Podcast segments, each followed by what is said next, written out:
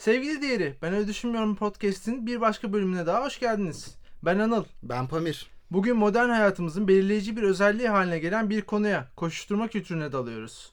Bugün bu koşuşturma kültürünün özellikle ruh sağlığımız üzerindeki etkilerini keşfedeceğiz. Ve bu karmaşık konuyu yönlendirmemize yardımcı olması için çok özel bir konuğumuz olan uzman doktor Enes Özel'i yeniden ağırlamaktan mutluluk duyuyoruz. Hoş geldiniz. Hoş bulduk. Hoş geldin. Çok özel bir konuk. Me- Özel, O evet. espri geçen Yakaladım. sene tutmuştu. Evet. Ben onu her sene yapacağım. İnsan ruhunun karmaşıklığını ve biricikliğini bilen bir psikiyatr olarak biz yani sistemin attığı boyayı en iyi emen kumaş olan bizlere aydınlatıcı bilgiler vereceğini düşünüyorum. İstersen seni tanıyorlar. Ya, hatta biz geçen seneki espriyi yine yapabiliriz. Biz kendimizi tanıtalım diye. Ama yine de hafifçe kendini bir tanıtabilir misin? Olur. Şunu söylemek istiyorum. Geçen sene sanki programa beraber giriş yapmıştık. Bu sefer ben yapmadım. Bu beni çok alındırdı, üzdü beni. Şu anda Öyle onu belirteyim. yapmıştık? Öyle sanki ben Enes, ben Pamir, ben hani sanki öyle bir giriş mi yapmıştık? Aa evet. Onu- Yok yok yanlış Onu hatırlıyorsun. yapmadıysak da o benim, o benim arzum da olabilirdi belki. Rüyam falan. Olabilir. Kendimi tanıtayım. Ee, uzman psikiyatr Muhammed Enes Özel. Erenköy Ruh Sinir'den e, aldım uzmanlığımı. Öğrenciliğimi de çapatıp da yaptım. İnternette absürt videolar yapıyorum. Tanışmamıza vesile olan şeylerden birisi de bu. Belki de tek şey oydu bilmiyorum. Sizin çağrınıza icabet ederek geldim diyeceğim ama sanki kendimi zorla çağırtmış gibi de bir hissim var. Doğru. His olmayabilir. Objektif bir gerçeklik de olabilir. Ee, Birazcık öyle oldu diyebiliriz. Yeniden burada olduğum için çok mutluyum. Hoş bulduk. Biz de. Hadi şimdi arkanıza yaslanın, rahatlayın ve koşuşturmacı kültürünün iplerini birlikte çözelim. O zaman ben öyle düşünmüyorum. Başlasın. Başlasın. Başlasın.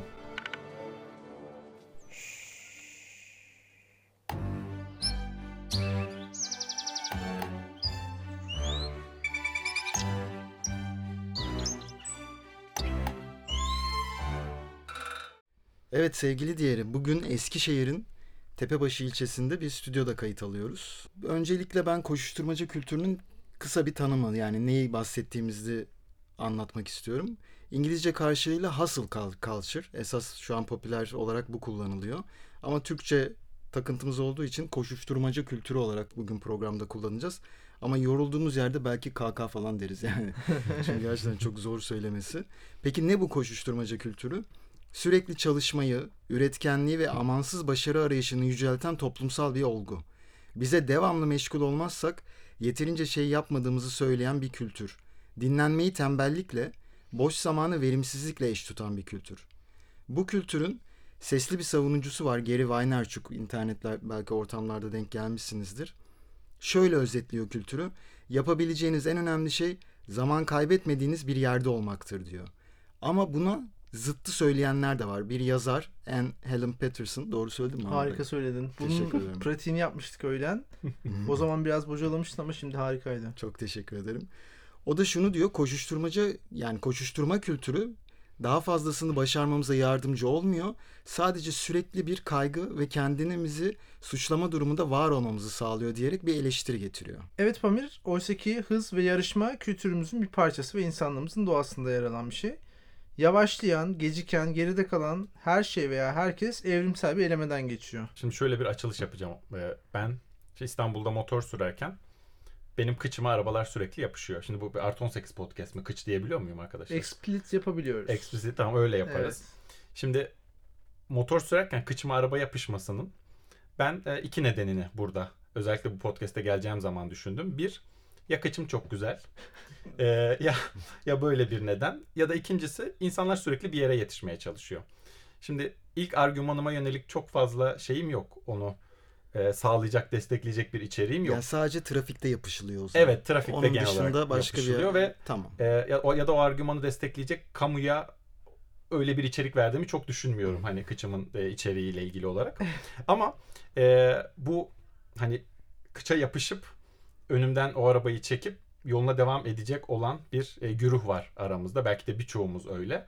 Ve burada sürekli bir yere yetişme durumundayız. Sürekli bir yere yetişme, bir yere varma durumundayız. Herkes roket bilimci gibi yaşıyor Evet, değil mi? aynen. Ee, sürekli kıçımıza takılı bir şey, e, bir yere varmaya çalışıyoruz. Bunun evrimsel kısmı tabii ki vardır eskiden. Muhtemelen bir yer ilk kapan, bir hayvanı ilk öldüren, bir nehre ilk yerleşen kişi bir şeyler kazanıyordur. Ama şu anda sanki çok da bir şeyler kazanmıyoruz gibi geliyor. En azından kaybettiklerimizden daha fazlasını kazanmıyoruz gibi geliyor bana. Biz üçümüz burada stüdyoda otururken hepimiz yani üçümüz ve tabii ki bizi dinleyen büyük bir çoğunluk 90'larda çocukluğunu geçirdi. Ve o dönemde e, Big Lebowski, Bart Simpson gibi tembel idollerimiz vardı. Belki Enes hatırlarsın onları Pamir. Fight Club ve onun arkasındaki felsefeye çok fazla inandık ve hoşumuza gitti. Oradaki çok çalışma prensibi ve amaçsızca hedefe yönelik çalışmayı tiye aldık. Friends izleyenler de bilir. Oradaki bir Ross karakteri vardı. Çok inek ve çok çalışkan bir karakterdi ve onun üzerine hep bir şaka ve e, küçümsemeler dönüyordu. E tabi şimdi aslında e, 90'larda bu tembellik kültürünü benimseyince gelecek de bizden daha fazlasını istemeyecek. Daha azına razı olacak gibi düşündük. Sonra 2000'ler başladı ve bir şey oldu dünyaya. Özellikle son 15 yılda, son 20 yılda sürekli yüksek devirde çalışan işkolik adamları böyle putlaştırdık. İşte bir koş- e, koşuşturma kültürü terimini baktığımız zaman zaten az önce de tanımını yaptık ama tarihsel süreci korkma Pamir 10 bin yıl öncesine gitmeyeceğim. Bir heyecan yaptım. 2000'li 2000'li yılların başlarından geliyor. Şu ana baktığımızda her gün ne kadar uyumamız gerektiği, hangi periyotlarda ders çalışmamız ya da molaların ne düzeyde verimlilik sağladığı, nelerden feragat etmemizi söyleyen influencerlar ya da inisiyatifçiler, onlarla birlikte büyük bir yankı odasında sıkışmış gibiyiz. Dijital çağ, sosyal medya platformları başarı ve üretkenlik için bir vitrin haline gelmiş. Herkes kendini burada tabiri caizse pazarlıyor. Ve en önemli verimlilik indikatörümüz de zaman. Yani zaman yönetimleri. Bunları zaten programlarımızda defaten konuşmuştuk. Enes sence koşuşturma kültürü yani popüler ismiyle hustle culture son yıllarda daha fazla duyma nedenimiz nedir? Şimdi buna şöyle bir giriş yapmak istiyorum. Kapitalizm deyince hepimiz bir uzak duruyoruz. Ya yine kapitalizmden bahsetmek gibi bir alan açılıyor ama kapitalizm şunun üstüne kurulu. Elimizde bir alan var, ekonomik bir alan ve kar elde etmek için o alanın dışına çıkıp dışarıdaki bir alanı tüketip ekonomiye dahil etmemiz gerekiyor. Şehir içerisinde, o koşuşturma içerisinde yaşarken ya da bir şehir içerisindeki hayatı düşündüğümüzde burada artık sanki o ekonomik sisteme dahil edilebilecek kişinin zamanından ve emeğinden çok fazla başka bir şey kalmamış gibi. O yüzden sistem, çalıştığımız yerler, şimdi kapitalizm diyorum ama bizim işte kamu hastaneleri de biraz hani o ayakta işliyor. Hani o bizden daha fazlasını talep edecek bir biçimde. Dolayısıyla sistemin kar elde edebileceği ya da bir şeyler kazanabileceği tek şey bireylerin kendi zamanından bir şeyler vererek ya da kendi emeklerinden, enerjilerinden bir şeyler vererek sistemin içine katmak. Çünkü ucuz ham madde yok. işte yeni ürünler gelmiyor ya da yurt dışından ucuz işçi gelmiyor gibi gibi. Dolayısıyla sanki bizim vaktimizi sisteme dahil ederek onun üzerinden bir şey kazanılıyormuş gibi geliyor bana. Bu daha fazlasını istemek, sistemin bizden daha fazlasını istemesi kısmında aklıma böyle bir şey geliyor. Çalışkanı putlaştırmakla ilgili bir şeyden bahsettin ya. Bizim sistemimiz de şeyi çok sever. Hani çok çalışan, işte dürüst tamam dürüst olsun ama e, hiç kendine vakit ayırmadan fedakarlık yaparak çalışan şeyleri çok seviyoruz. İnsanları. Bunları gerçekten putlaştırıyoruz.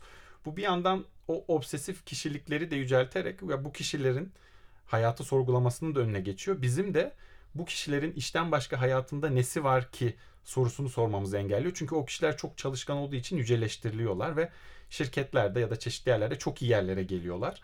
Ve onlar öyle olunca tırnak içinde söylüyorum görece başarılı oluyorlar bir şeyler elde ediyorlar.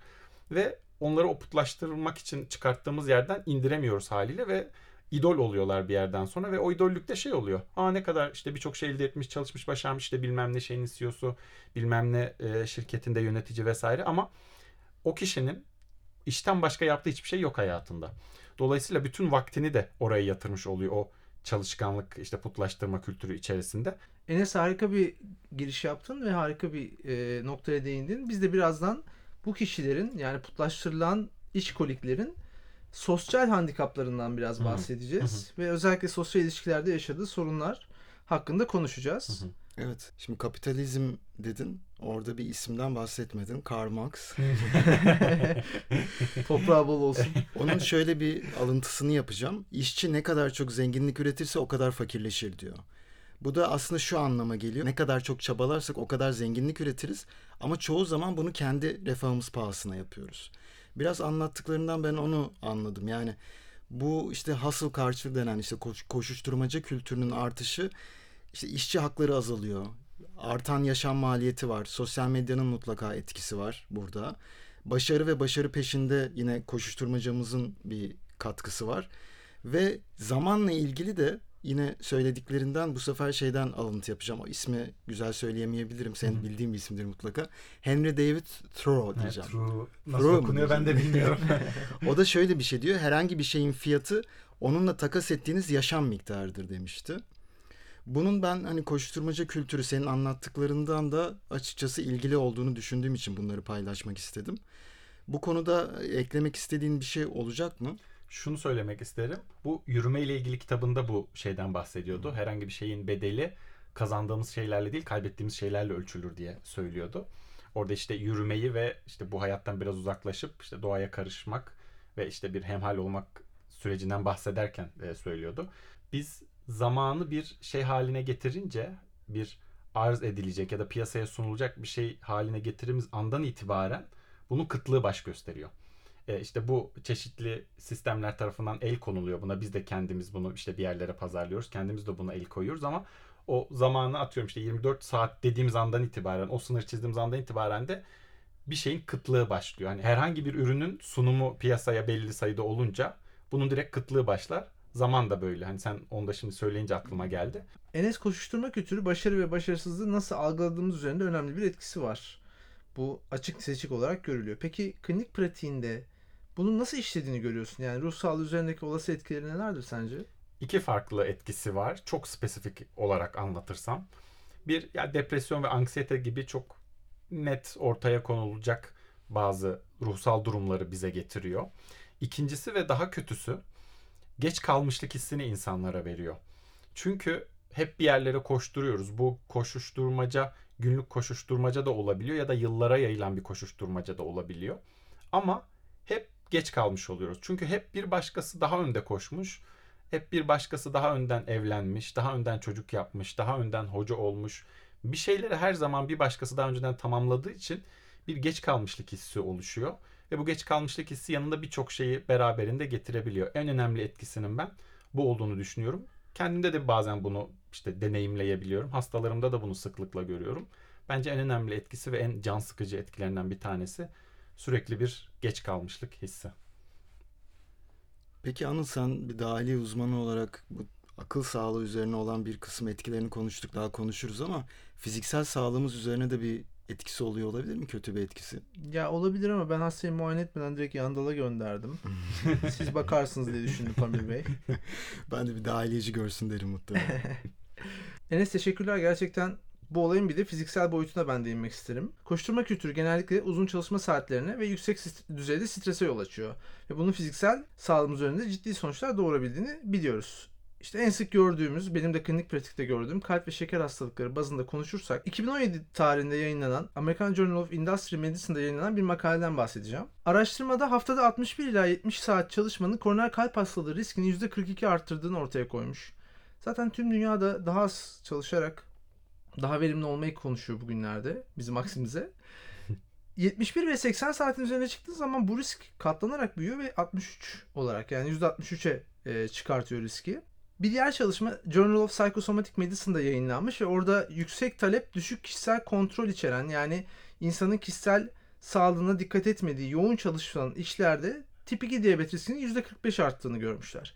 Stanford Üniversitesi'nde yapılan diğer bir çalışmada haftada 50 saat üzerinde çalışan kişilerde verimliliğin her saat hızlıca azaldığını ve çok ilginç 55. saatin sonunda geçirilen hiçbir zamanın bir dakikanın bile üretkenlik ve verimliliğe olumlu ve anlamlı bir katkı sağlamadığı gözlemlenmiş. Yani Anıl bu çalışmalar şunu mu diyor benim anladığım kadarıyla. Bir noktadan sonra çok çalışarak fiziksel sağlığına zarar veriyorsun Evet. ve üretkenliği de aslında arttırmıyorsun. Evet ve bu çalışmalar aslında şunu da diyor Pamir. Bundan sonra ben çalışmaları da yayına getireceğim ve sadece sen çalışma sunmayacaksın. bu bunun da anlamı. Lütfen buna da dikkat et. Böyle bir şeyimiz var bizim podcast'te gerçekten. Ben bir şey yaptıktan sonra genelde bir, bir sonraki bölümlerde onu sen devralıyorsun. Ee, devam ediyorum. Peki verimlilik ne demek? Kısaca anlatalım. Yani neden bu koşuşturma kültüründeyiz? Çünkü asıl hedefimiz verimliliğe ulaşmak. Yani birim zamandaki iş miktarını maksimize etmek. Modern zamanların insan üzerindeki bir yükü, bir sorumluluğu bu. Bu döngüden uzak kalınan saatlerde suçluluk duygusu oluşabiliyor. Yani Enes senin dediğin o duygulara ek ilaveten ben Hı hı. bir suçluluk duygusu da eklemek Hı hı. isterim nacizane. Ben de dahi birçok insanda aslında bu yorgun olmayı suçlu olmaya tercih edebiliyoruz. Ve tabii aslında bu da sağlık problemlerini beraberinde getiriyor. Çünkü uzun kronik yorgunluklar sadece psikolojik değil fiziksel sa- fiziksel sağlığımızı da ciddi anlamda tehdit ediyor. Peki bu suçluluk duygusuyla nasıl baş edebiliriz? Yani bir saniye ben verimlilikten koptum. Ee, şu an uykusuz kalmayı daha çok çalışmayı tercih edebilirim dememeyi başarabilir miyiz? E, Bizim depresyonda yaptığımız şöyle bir şey vardır mesela. Ona benzeteceğim şimdi sorduğun soruyu. Biz depresyonda işte özgüveni yükseltmek isteriz. e, Öz saygı yükseltmek isteriz. Kişinin amiyane tabirle kendisini sevmesini isteriz. Ama bunu kişiye işte kendini sev, kendini daha çok sev işte iletileriyle değil de kişinin bir şekilde kendi öz saygısını düşüren sistemi ortadan kaldırmakla yaparız. Yani üst benliği zayıflatmakla yaparız. Burada da bence aynısı şöyle hızlandığımızı fark ettiğimizde ve bunun bizde bazı duygular uyandırdığını, yeteri kadar hızlı gidemediğimizi fark edip de bazı suçluluk duyguları uyandığında frene basmak değil de aslında bizi hızlandıran şeyleri fark edip bunlar arkadan da itiyor olabilir, önden de çekiyor olabilir. Bunları fark edip bunları hayatımızdan bir şekilde egale etmek, bir şekilde çıkarmak zaten bizim kendi doğal ritmimize, kendi istediğimiz ritmimize dönmemizi sağlar. Bu bence birinci e, önemli nokta. Etiyolojiye yönelik tedavi vermek. Evet yani. tam olarak etiyolojiye yönelik tedavi. Çünkü Evet. zaten bir şeyler arkadan ittirip önden de çekerken frene asılırsak olmaz bir sorun çıkacak illa. İkinci olarak da hiçbir şey yapmamanın keyfine varabilmek aslında. Bunu o anda kalabilmek olarak da yorumlayabiliriz.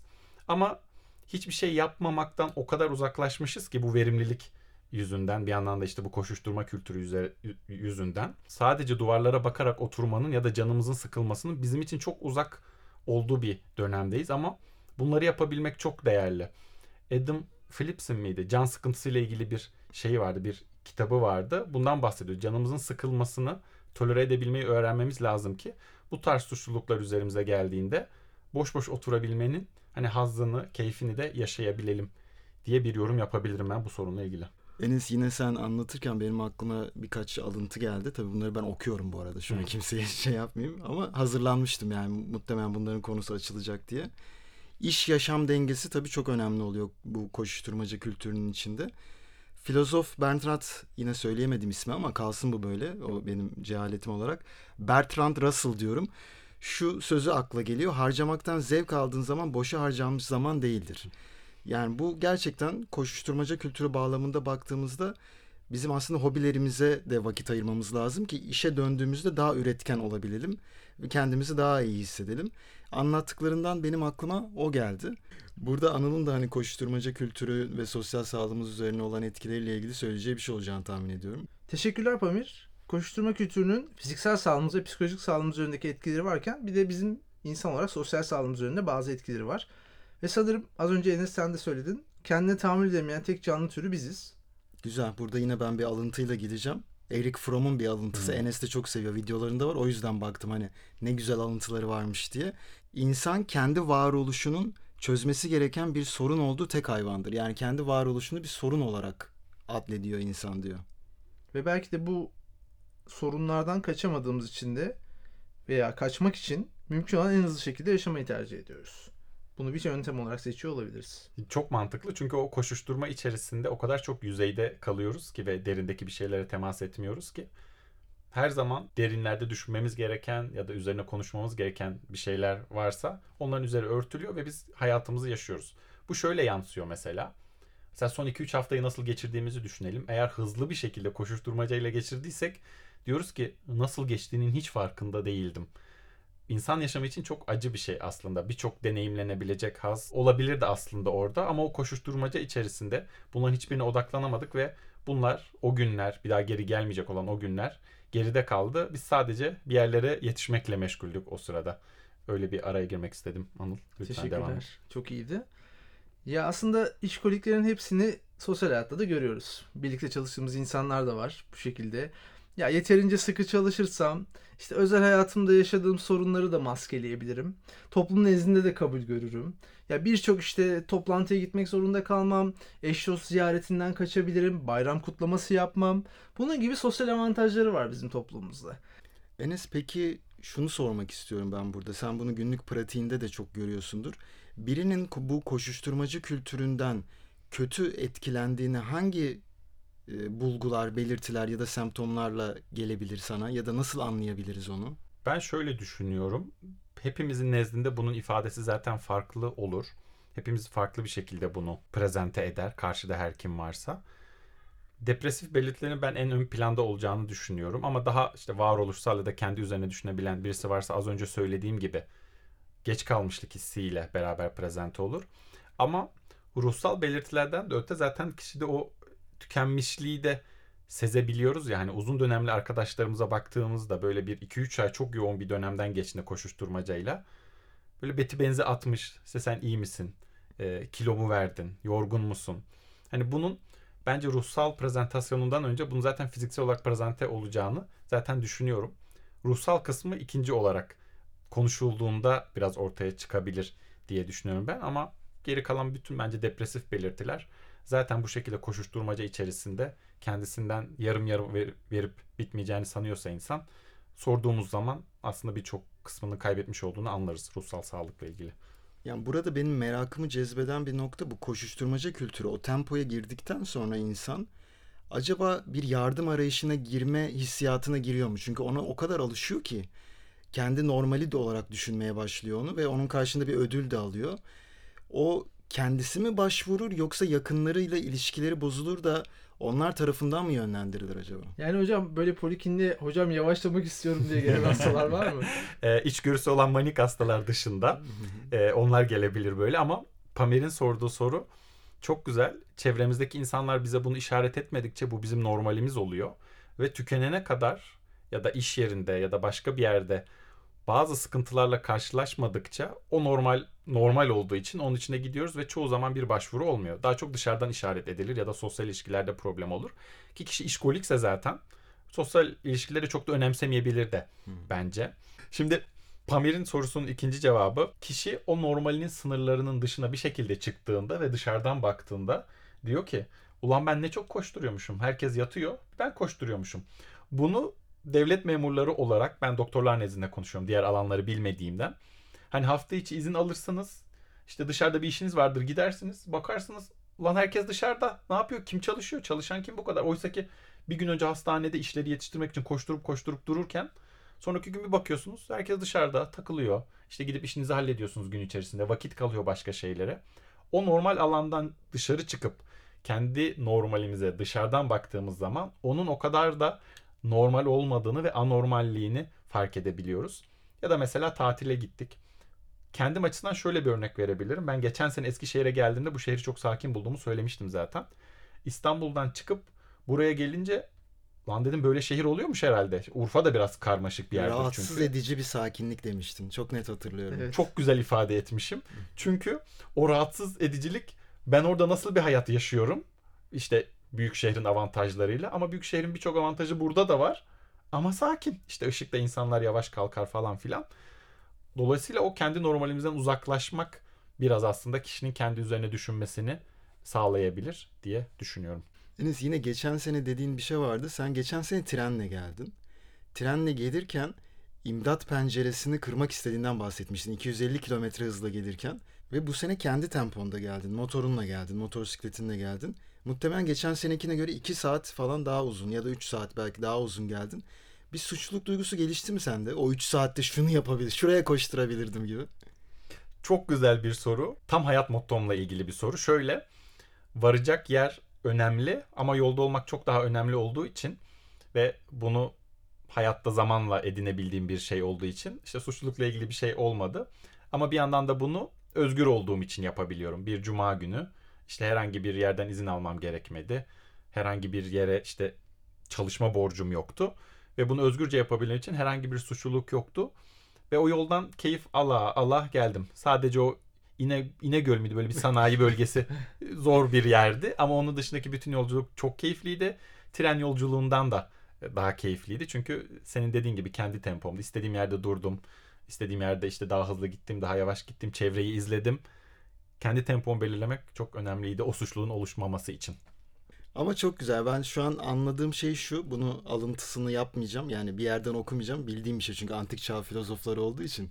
Aristo'nun biraz ödemonisine giriyor. Yani aslında bugün sen gelirken onu yaşamışsın gibi hissettim. Bunda mutlaka söylemek istediğim bir şey vardır. Söylemek istediğim bir şey yok ama çok güzel yakaladın. Ee, hayır. Söylemek istediğim bir şey var ya da çok yok çünkü ödemani dediğin şey hani iyi yaşamak. Tam olarak böyle mutlu yaşamak gibi değil de tam olarak senin dediğin gibi. Dengede. iyi yaşamak. Mutlu yaşamaktan ziyade yaşamı iyi yaşamakla ilgili bir şey. Evet dediğin şey oraya çok güzel oturuyor. Harika. Ee, peki Enes ben bir soru sormak isterim sana. Yavaşlarsak daha fazlasını başarabilir miyiz? Çok güzel bir soru bu ya. Bu var ya. Bir şey diyeceğim. Enes hepsine çok güzel bir soru diyor ya. Bence orada düşünmüyor ve zaman kazanıyor. yani, o onun bir şekilde şeyi olmuş. Mesela bir röportajda da soruyu dinliyordu futbolcu. Emre Belezoğlu'ydu herhalde. Dinliyor dinliyor dinliyor böyle tıkanıyor. "E, Bir daha sorar mısınız falan diyordu yani. Öyle bir kendine Onun şey, yapmış. loading ekranı yani hani orada takılmıyor devam ediyor. Ya bu bir politikacı skill'dir arkadaşlar. Aynı zamanda bir psikoterapist skill'i de olabilir. Harika. Tabii orada demiyorum hani işte çok güzel soru diye ama şimdi bu sorunun güzel yanı şu. Bu soru parçalara ayrılabilir. Şöyle. Şimdi daha fazlasını başarmaktan kastımız nedir? Buradaki başarıdan kasıt birilerine para kazandırmaksa ya da kendimiz para kazanmaksa ya da başka materyal elde etmekse, emtia elde etmekse yavaşlarsak daha fazlasını başaramayız zaten. Ama buradaki başarı Pamir'in dediği gibi iyi yaşamaya dair bir şeyse bunu gayet de güzel başarabiliriz. Çünkü yavaşladığımız zaman etrafımızdan akan bütün o her şey, insanlar, imgeler, görüntüler, düşünceler, anıların da kendisi, o anıların da çağrışımları çok sağlıklı bir şekilde yorumlanabilecek bir hızda yanımızdan geçerler.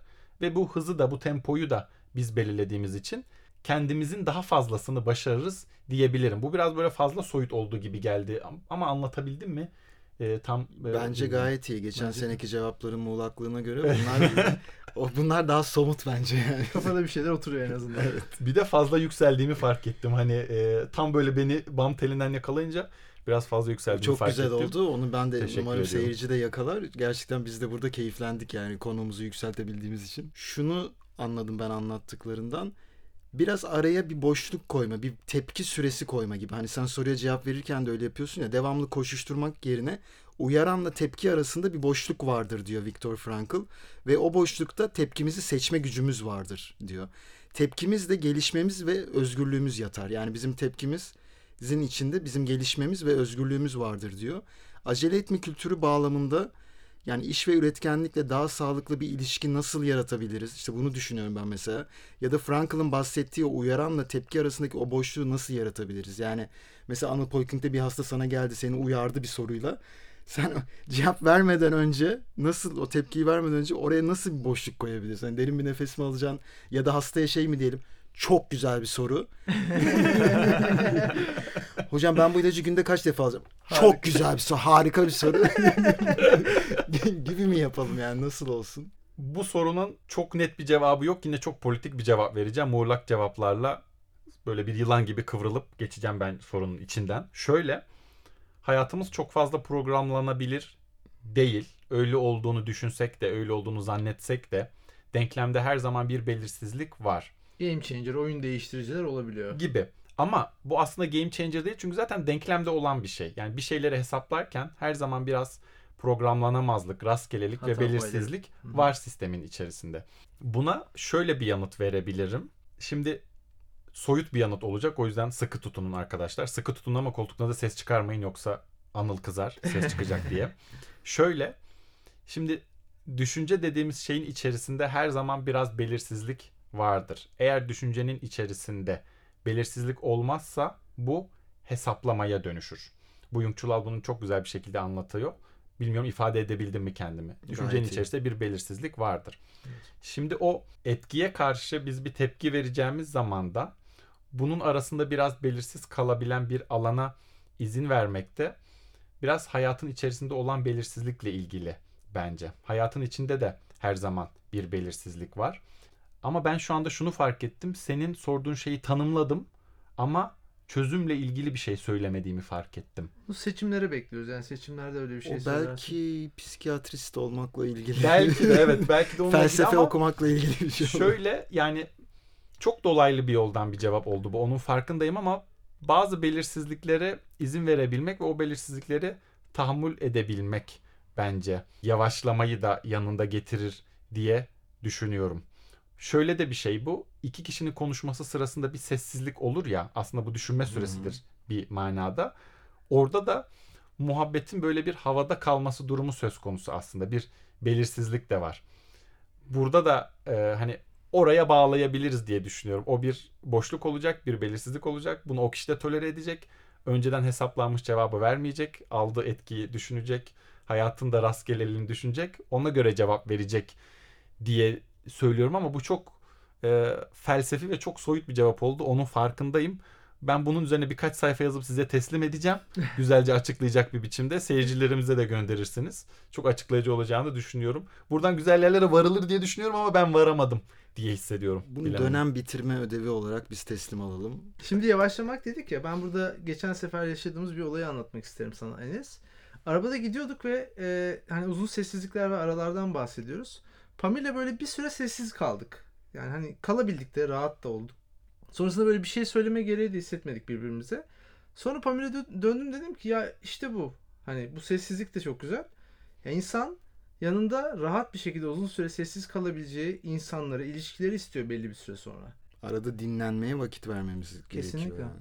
İletişimde de bu var ya. Sessiz kalabileceğimiz insanlar aslında dostlarımız oluyor. Beraber Doğru. güzel vakit geçirebileceğimiz ve gerçek bir iletişim o sessizlikler içerisinde de yaşanıyor. Ya da o sessizlikleri yaşayabilen insanların yanında yaşıyorsun. Ama sürekli konuşmak zorunda olduğun bir kişiyle ya da bir grupla yaptığın şey aslında çok da fazla iletişim değil. Sadece birbirinize veriler alıp gönderiyorsunuz işte sıkışık vakit süreleri içerisinde. Benim de aklıma o geldi. Onu da e, ileteyim. Ufak bir katkı O olsun zaman şu an üçümüz burada bir sessizlik yapalım mı? Evet. Programı kapatalım. Sessizlikte kalalım. Bir anda duygusallaşmıştım yani programda bizim anımızı anlattın, bizden bahsettin, işte onu kabullendin dedin arabada beraber Ya gidiyoruz falan. sonrasından korkuyoruz. sonlandırıyoruz dedi hemen. Ee, sonra sonlandırdın hemen yani gerçek hayata döndün. Evliyim. Yani Yapacak bir şey yok. Ama kesinlikle yani şöyle koşuşturmaca kültürü bizim değer ilişkilerimizi, arkadaşlık ilişkilerimizi de etkiliyor. Kesinlikle. Ee, Ve o dediğin anlamda da Anıl senin Nietzsche'nin sözü görünmez ipler en güçlü bağlardır diyor. Burada o bağ yani ipler diye bahsettiği şey aslında kişilerin arasındaki ilişkiler. Bunlara zarar verebiliyorsun koşturmaca kültürüne girdiğin zaman. Enes yani çok teşekkür ederiz. Koşturmaca kültürünün bir çözümü işte bir böyle 40 dakikalık bir podcast'te bundan çıkmak mümkün müdür ben bilmiyorum. Var öyle podcast'ler. Evet. İnternette denk geldik. Hatta 5 dakika bile anlatabiliyorlar. Kesinlikle yani. Ben böyleydim. Haftada 16 saat çalışırdım. Artık öyle çalışmıyorum. Daha kolay bir yol buldum. YouTube'a video çekiyorum. Daha çok kazanıyorum falan gibi şeyler vardı. Ama tabii çözüm basit değil ve belki de senin her zaman videolarında ya da işte bize geldiğinde konuk olduğunda da vurguladığın gibi herkesin yolu ayrı. Yani çok çalışmak isteyen bir insanın da hani yakasından tutup hadi ara veriyoruz paydos demenin de Evet. çok bir anlamı olmayabilir yani hani. Evet. Belki o kişinin o sırada çok çalışmakla ilgili bir ihtiyacı olabilir. Zihni bazı şeyleri geride işleyecekken çok çalışması gerekebilir belki o dönemde. Dediğin gibi dediğim gibi hepimizin yolu ayrı olduğu için kimseye tutup zorla bir şeyler yaptıramayız. Hepimizin bu konuda alabileceği önlemler de farklı. Ben kendim için şöyle bir önlem alıyorum. Bilmiyorum paylaşmak istiyorum ama vaktimiz var mı? Şey, Anıl izin verecek mi?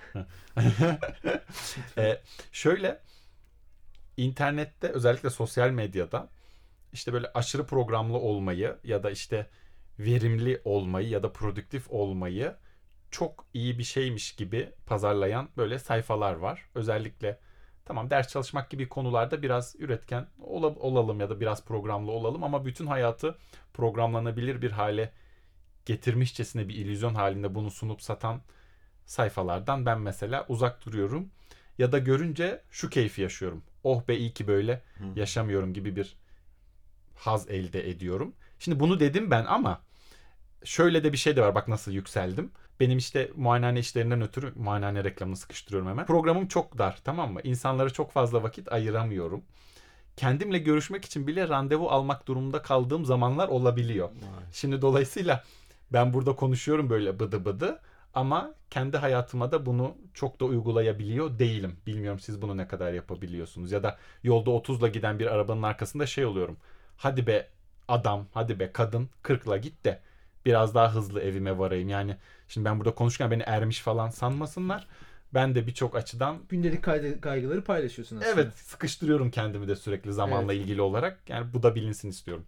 Burada o zaman kendi atalarımızdan bir alıntı yapıp hani hocanın dediğini yapın, yaptığını yapmayın diyeceğiz. Tam olarak zaman. öyle. Evet. Anıl sen tabii çok iyi biliyorsun. Enes de bir- beni tanıdığı için artık. Ben bazı isimleri anmadan ve şey yapmadan programı kapatmak istemiyorum. Bunlara çünkü çok çalıştım, çok kafa yordum yani genel olarak. Kesinlikle. E, isimleri söyleyeceğim, geçeceğim. Alıntılarına falan girmeyeceğim. Seneca, Epictetus, Marcus Aurelius, dördüncü defanstaki kimdi ya? şey bu ben isimler rahatladım. 98 Fenerbahçe. ve Zeno yani bu isimler işte Stoa felsefesinin e, en önde gelen en bilindik isimleri. ne yapabileceğimizi bilmek ve ne yapamayacağımızı bilmek işte biraz stoacılıkla da ilgili. Evet. Çok önemli oluyor. Stoacılığın şöyle bir yanı var. Onu da ben vurgulayayım. Aslında stoacılığı hep şey diye düşünüyoruz. İşte kontrol edemeyeceklerimiz üzerinde endişelenmeyelim. Evet öyle bir yanı da var. Ama asıl bizi etkinleştirici bir yanı var stoacının. O da şu. Evet kontrol edemeyeceğimiz şeyler burada. E, Burada el işareti yapıyorum. Ses çıkarmadan yapıyorum. Ama kontrol edebileceğimiz şeyler de bizim önümüzde ve bunlar üzerine yoğunlaşabiliriz. Yani stoacılık pasifize edici değil, aksine etkinleştirici bir şey. Çünkü benim gücüm bunlara yeter. Bunlar benim sorumluluk alanım altında. Bunları yapabilirim. O zaman ben bunları yapayım sadece. Bu ötekileri değil gibi bir e, yanı da var. Onu da belirteyim ben. Şimdi yine yükseldim sen öyle söyleyince. Yüksel yüksel Du- duruldum yine ama duruldum şimdi o son örneği verince. Gayet iyi oldu. Ben de şöyle bir ekleme yapabilirim. Aslında kendi sınırlarını belirlerken kendi değerini de belirlemiş oluyorsun. Çünkü ben bu kadarını yapabilirim ve ben benden beklenti bunun üzerinde olamaz. Ve biz aslında günlük pratiğimizde de bunu yaşıyoruz. İnisiyatif almadığımız her durumda başka biri bizim yerimize inisiyatif alıyor. Ve bizim ne kadar çalışacağımızı, ne kadar kendimize zaman ayıracağımızı bunun kararını o insanlar veriyor. Biz ne zaman sesimizi yükselttiğimizde, kendi varlığımızı kabullenip karşı tarafı kabullendirmeye çalıştığımızda o zaman o dediğimiz o kısa yavaşlama aralarını elde etmeye başlıyoruz. Bu aralar o kadar kıymetli ki kendimizi gerçekleştirmek için durup yavaşlamak ve ben neredeyim demek için hani oyunlarda sen de biliyorsun oyunları çok seviyorsun ben de çok seviyorum oradan bir ortak nokta var. Pamela dışlayalım artık oyun Evet. oynayamıyor. Siz oynayın. Oradaki e, bir oyun tipi vardır. İlk görüş penceresinde oyunu oynamak vardır. Bazı bölümleri o şekilde geçemezsin ama üçüncü görüş penceresine alınabilen oyunlarda o bölümü geçebildiğini fark edersin. Yani kendine ve karakterine dışarıdan bakabildiğinde Evet. aslında o bölümü çok daha rahat geçersin değil mi? Hayatta da aslında biz bunu başarabilsek yani kendimize biraz dışarıdan bakabilip yavaşlayabilsek o bölümü geçebileceğiz. Koşuşturma kültüründe de yavaşlayabilmeyi başaranların aslında daha sonra daha büyük başarılar elde ettiğini en azından kendi nezdinde görebiliyoruz. Çok güzel oldu kapanış. Çok güzel bağladı gerçekten güzel Evet. bağladı. Eyvallah. Ben doğal şeyim yani. Doğal Kapçak. reçine Ha. yedi şeyi var. Kapçak şey. Enes teşekkür ederiz. Bu konuyu bizimle paylaştığın ve düşüncelerini ifade ettiğin için. Enes ben de çok teşekkür ederim. Umarım dinleyicilerimiz de memnun kalmıştır. Umarım sen de eğlenmişsindir. Ben teşekkür ederim çağırdığınız için. Biraz böyle çağrışımlarımın dağıldığının farkındayım. O kadar kusur, kadı kızında da olur diyerek de ben de kapatmak istiyorum. Ben öyle düşünmüyorum'un bu bölümünde koşturma kültürünü ve bunun etkilerini inceledik. Hayatımıza yansımasını bir psikiyatristin penceresinden de gözlemleme fırsatımız oldu. Aynı zamanda bunun ruhsal ve toplumsal yansımalarına da biraz dağınık da olsa ışık tutmaya çalıştım ben de. Ya da çalıştık diyelim. Harikaydı. Teşekkür ederiz. Ben öyle düşünmüyorum. Sonuna geldik. Ben öyle düşünmüyorum bitti. Bitti.